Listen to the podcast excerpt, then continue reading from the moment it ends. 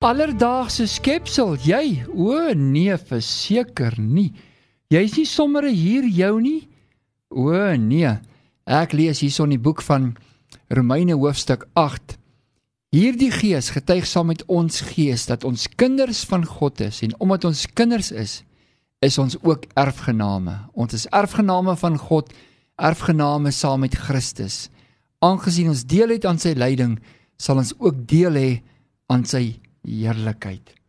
Erfgename saam met Christus. Dis wie hy jou gemaak het en geroep het om te wees.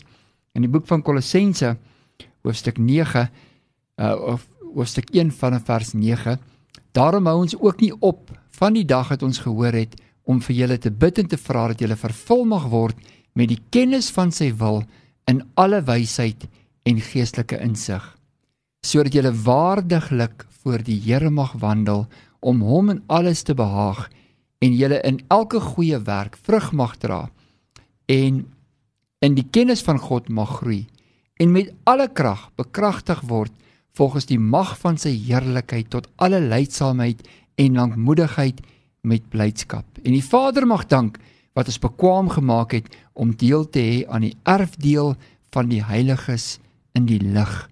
Vers 13: Hy wat ons verlos het uit die mag van die duisternis en oorgebring het in die koninkryk van die seun van sy liefde, in wie ons deur die verlossing het deur sy bloed, naamlik die vergifnis van die sondes. Hy is die beeld van die onsigbare God, die eersgeborene van die hele skepping, want in hom is alle dinge geskape wat in die hemele en op die aarde is, wat sienlik en onsigblik is. Trone sowel as heerskappye en owerhede en magte. Alle dinge is deur hom en tot hom geskape. Hy is voor alle dinge en in hom hou alle dinge stand. Hy is die hoof van die liggaam, naamlik die gemeente. Hy wat die begin is, die eersgeborene uit die dode, sodat hy in alles die eerste kan wees. En ek kan so lees en lees want die woord is net so bemoedigend en stigtend en opbouend. En hoe meer 'n mens die woord lees, hoe meer is daar lig aan die binnekant van jou tempel. Jy is nie sommer net 'n hier jou nie. Nee, jy is 'n erfgenaam. Kan jy dink vir 'n oomblik wanneer die beloftes van hierdie gedeelte in die boek van Kolossense ja en amen word in jou lewe? Kan jy dink vir 'n oomblik om te sê van jou wat God van jou sê en dan om so te leef met daardie nodige insig daardie nodige perspektief en autoriteit wat jy in jou lewe kan toepas. Nee, jy's nie sommer hier jou nie. Jy's die kroon van sy skepping. Hy sê jy is die kop en nie die stert nie. Hy sê jy's weinig minder as die engele gemaak. Hy sê jy's meer as 'n oorwinnaar. Hy sê hy's opgewonde oor jou. Hy jubel en swyg in sy liefde oor jou. Hy sê hy is jaloers oor jou. Hy sê hy gee die prins van die hemele sodat hy 'n waarde op jou kan plaas. Sodat wanneer jy daai liefde ontvang, dat jy uiteindelik kan besef maar wie jy is. Jy's nie die stert nie. Jy's nie die persoon wat verslaan is nie. Jy is nie vandag die bedelaar nie. Jy's nie vandag een wat nie geliefd is nie. Jy's nie weggestoot nie, jy's nie verworp nie, jy's nie veroordeel nie. Jy wag nie vir jou vonnis nie. Wanneer God na jou kyk, dan sê hy jy is die kroon van sy skepping. Die kroon van sy skepping. Kan jy vir 'n oomblik dink dat jy nie jouself sien waaruit jy vandaan kom en wat jy dalk beleef en ervaar het nie, maar dat jy jouself kan sien in die waarde wat God aan jou lewe plaas? Kan jy vir 'n oomblik vir jouself sê maar ek is kosbaar. Ek is kosbaar in die oë van die Here. Nou net so met my tong en my kies, ek was onlangs vir 'n prosedure gewees in die hospitaal en nie op 49 jarige ouderdom toe ontdek ek ek het twee dubbelregter niere. Noem dit 'n dubbel regter nier. Twee volmaakte niere aan die een kant en dan die uh een linker nier. En daar blyklik is 1% van die samelewing ehm um, so met twee niere, twee volmaakte niere aan die een kant. En toe sê iemand vir my, jy sien, jy het nog altyd geweet jy is spesiaal, maar nou het jy die bewys in jou liggaam dat jy spesiaal is. En ek het gegiggel daaroor want dit was toe nou 'n groot grap geweest dat ek nou die bewys het dat ek nou spesiaal is. Maar weet jy wat ek vir jou wil sê vandag? Jy is spesiaal. Jy is werklik kosbaar in die oë van die Here. Wanneer hy na jou kyk, dan kyk hy na jou as sy erfgenaam. Hy vertrou jou. Hy glo in jou. Hy het alles moontlik van sy kant af gedoen sodat jy ook kan weet dat hy in jou glo. God se hart meen dit regtig goed met jou. Sy intensies uh, uh, vir jou lewe en selfs wanneer jy deur moeilike en uitdagende tye gaan of wanneer dinge net mooi loop in jou lewe, God se hart is regtig dat dit met jou moet goed gaan. En daarom, die goeie werk wat in jou begin het, sal hy klaar maak. En God begin die die einde van die werk van die begin af en die begin van die einde af. Hy het die boek van jou lewe geskryf. En hy sit die pen in jou hand en hy sê skryf jy dit nou. Skryf hierdie storie wat ek in jou gesit het deur jou eie hand in hierdie lewensboek.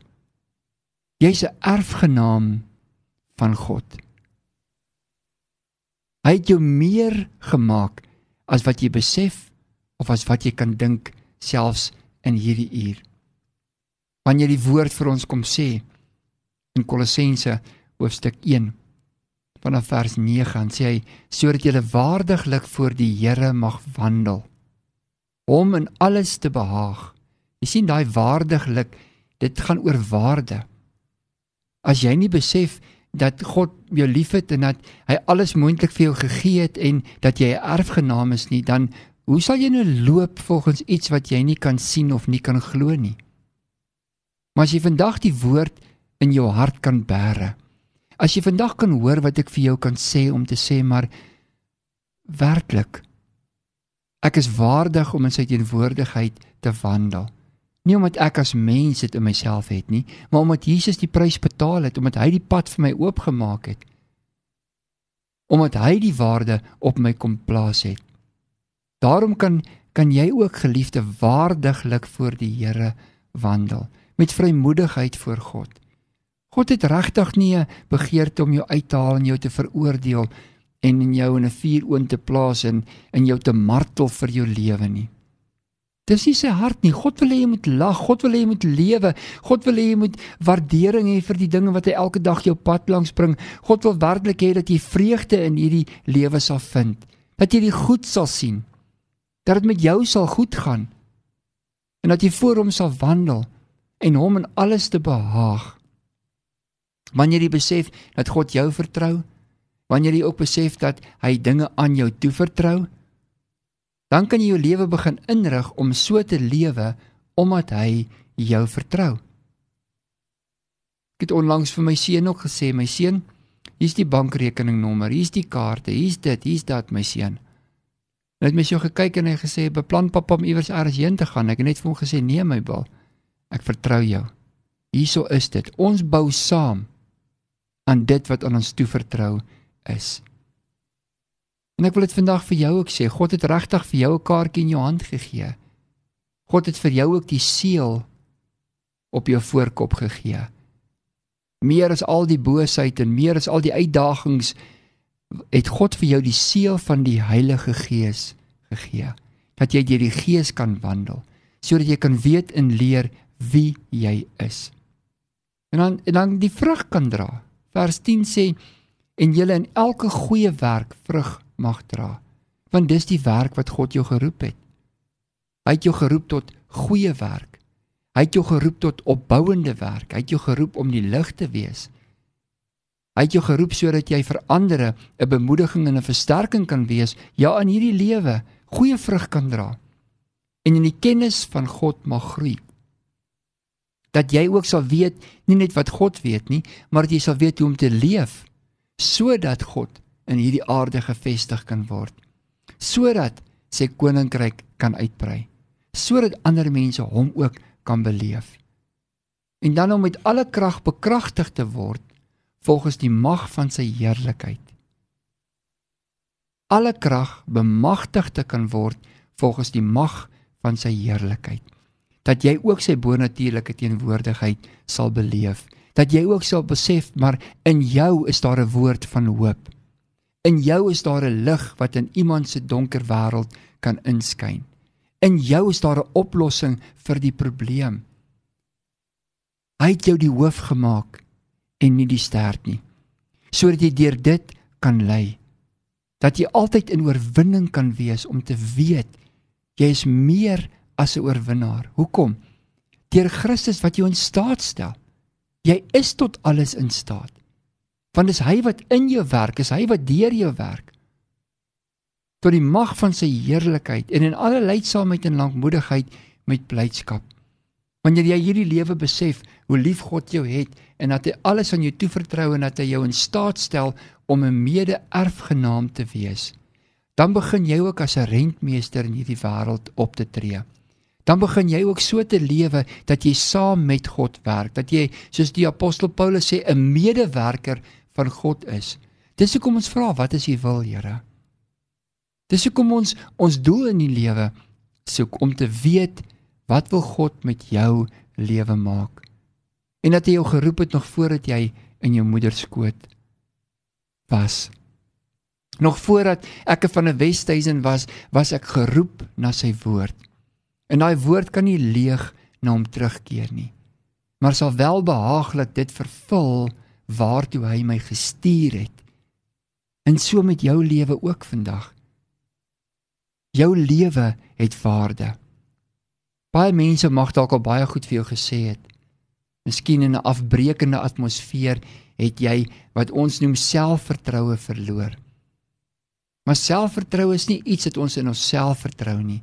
Dis om te weet wie God jou gemaak het om te wees. En om in in voldaanheid om in daai beweging van wie jy in God is te begin optree. Onbeskaamd dat jy sal weet, dis wie God sê ek is en ek is nie skaam daaroor nie. Dis wat God my geroep het en gestuur het om te wees in hierdie aarde. Dis wat hy vir my gegee het om te kan wees wie ek is in hierdie aarde en daarvoor maak ek nie 'n verskoning nie. Ek hou ook nie terug nie, maar ek lewe ten volle elke dag in die naam van die Here. Elke geleentheid wat hy vir my gee, besef ek maar ek is 'n rentmeester. Elke geleentheid om te besef ek is 'n mede-erfgenaam. God het my goed gegee om sy wil te doen. God het aan my ook toevertrou wat ek nodig het om ten volle te lewe as 'n seun en 'n dogter in hierdie aarde. Ja, ons het seuns, ons het jong manne, ons het kinders, ons het vaders.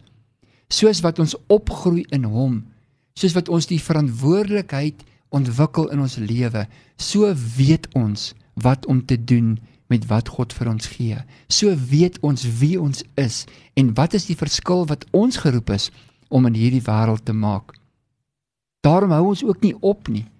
Van die dag af wat ons gehoor het, ek bid vir jou vandag en te vra dat jy vervul mag word met die kennis van sy wil in alle wysheid en geestelike insig sodat jy waardiglik voor die Here mag wandel om hom in alles te behaag en in elke goeie werk dat jy mag vrug dra en dat die kennis van God in jou mag groei en dat jy met alle krag bekragtig word volgens die mag van sy heerlikheid tot alle leidsaamheid en lankmoedigheid met blydskap en dat jy die Vader mag dank dat hy jou bekwam gemaak het om deel te kan hê aan die erfdeel van die heiliges in die lig hy wat jou verlos het uit die mag van die duisternis en oorgebring het in die koninkryk van die seun van sy liefde sy liefde lei jou en leer jou Daarom is jy vreesloos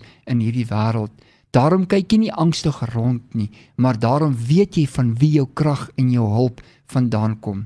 Jou krag en hulp is van die Here, jou God, die een in wie jy glo. Ek spreek vandag 'n bonatuurlike krag en 'n sterkte oor jou uit, 'n bewuswording dat God jou meer gemaak het as wat mense sê jy is, dat jy selfs meer is as wat jy gedink het jy in jouself is en om waardering te hê dat hy jou opgetel het in die hemelse plekke as 'n mede-erfgenaam saam met hom.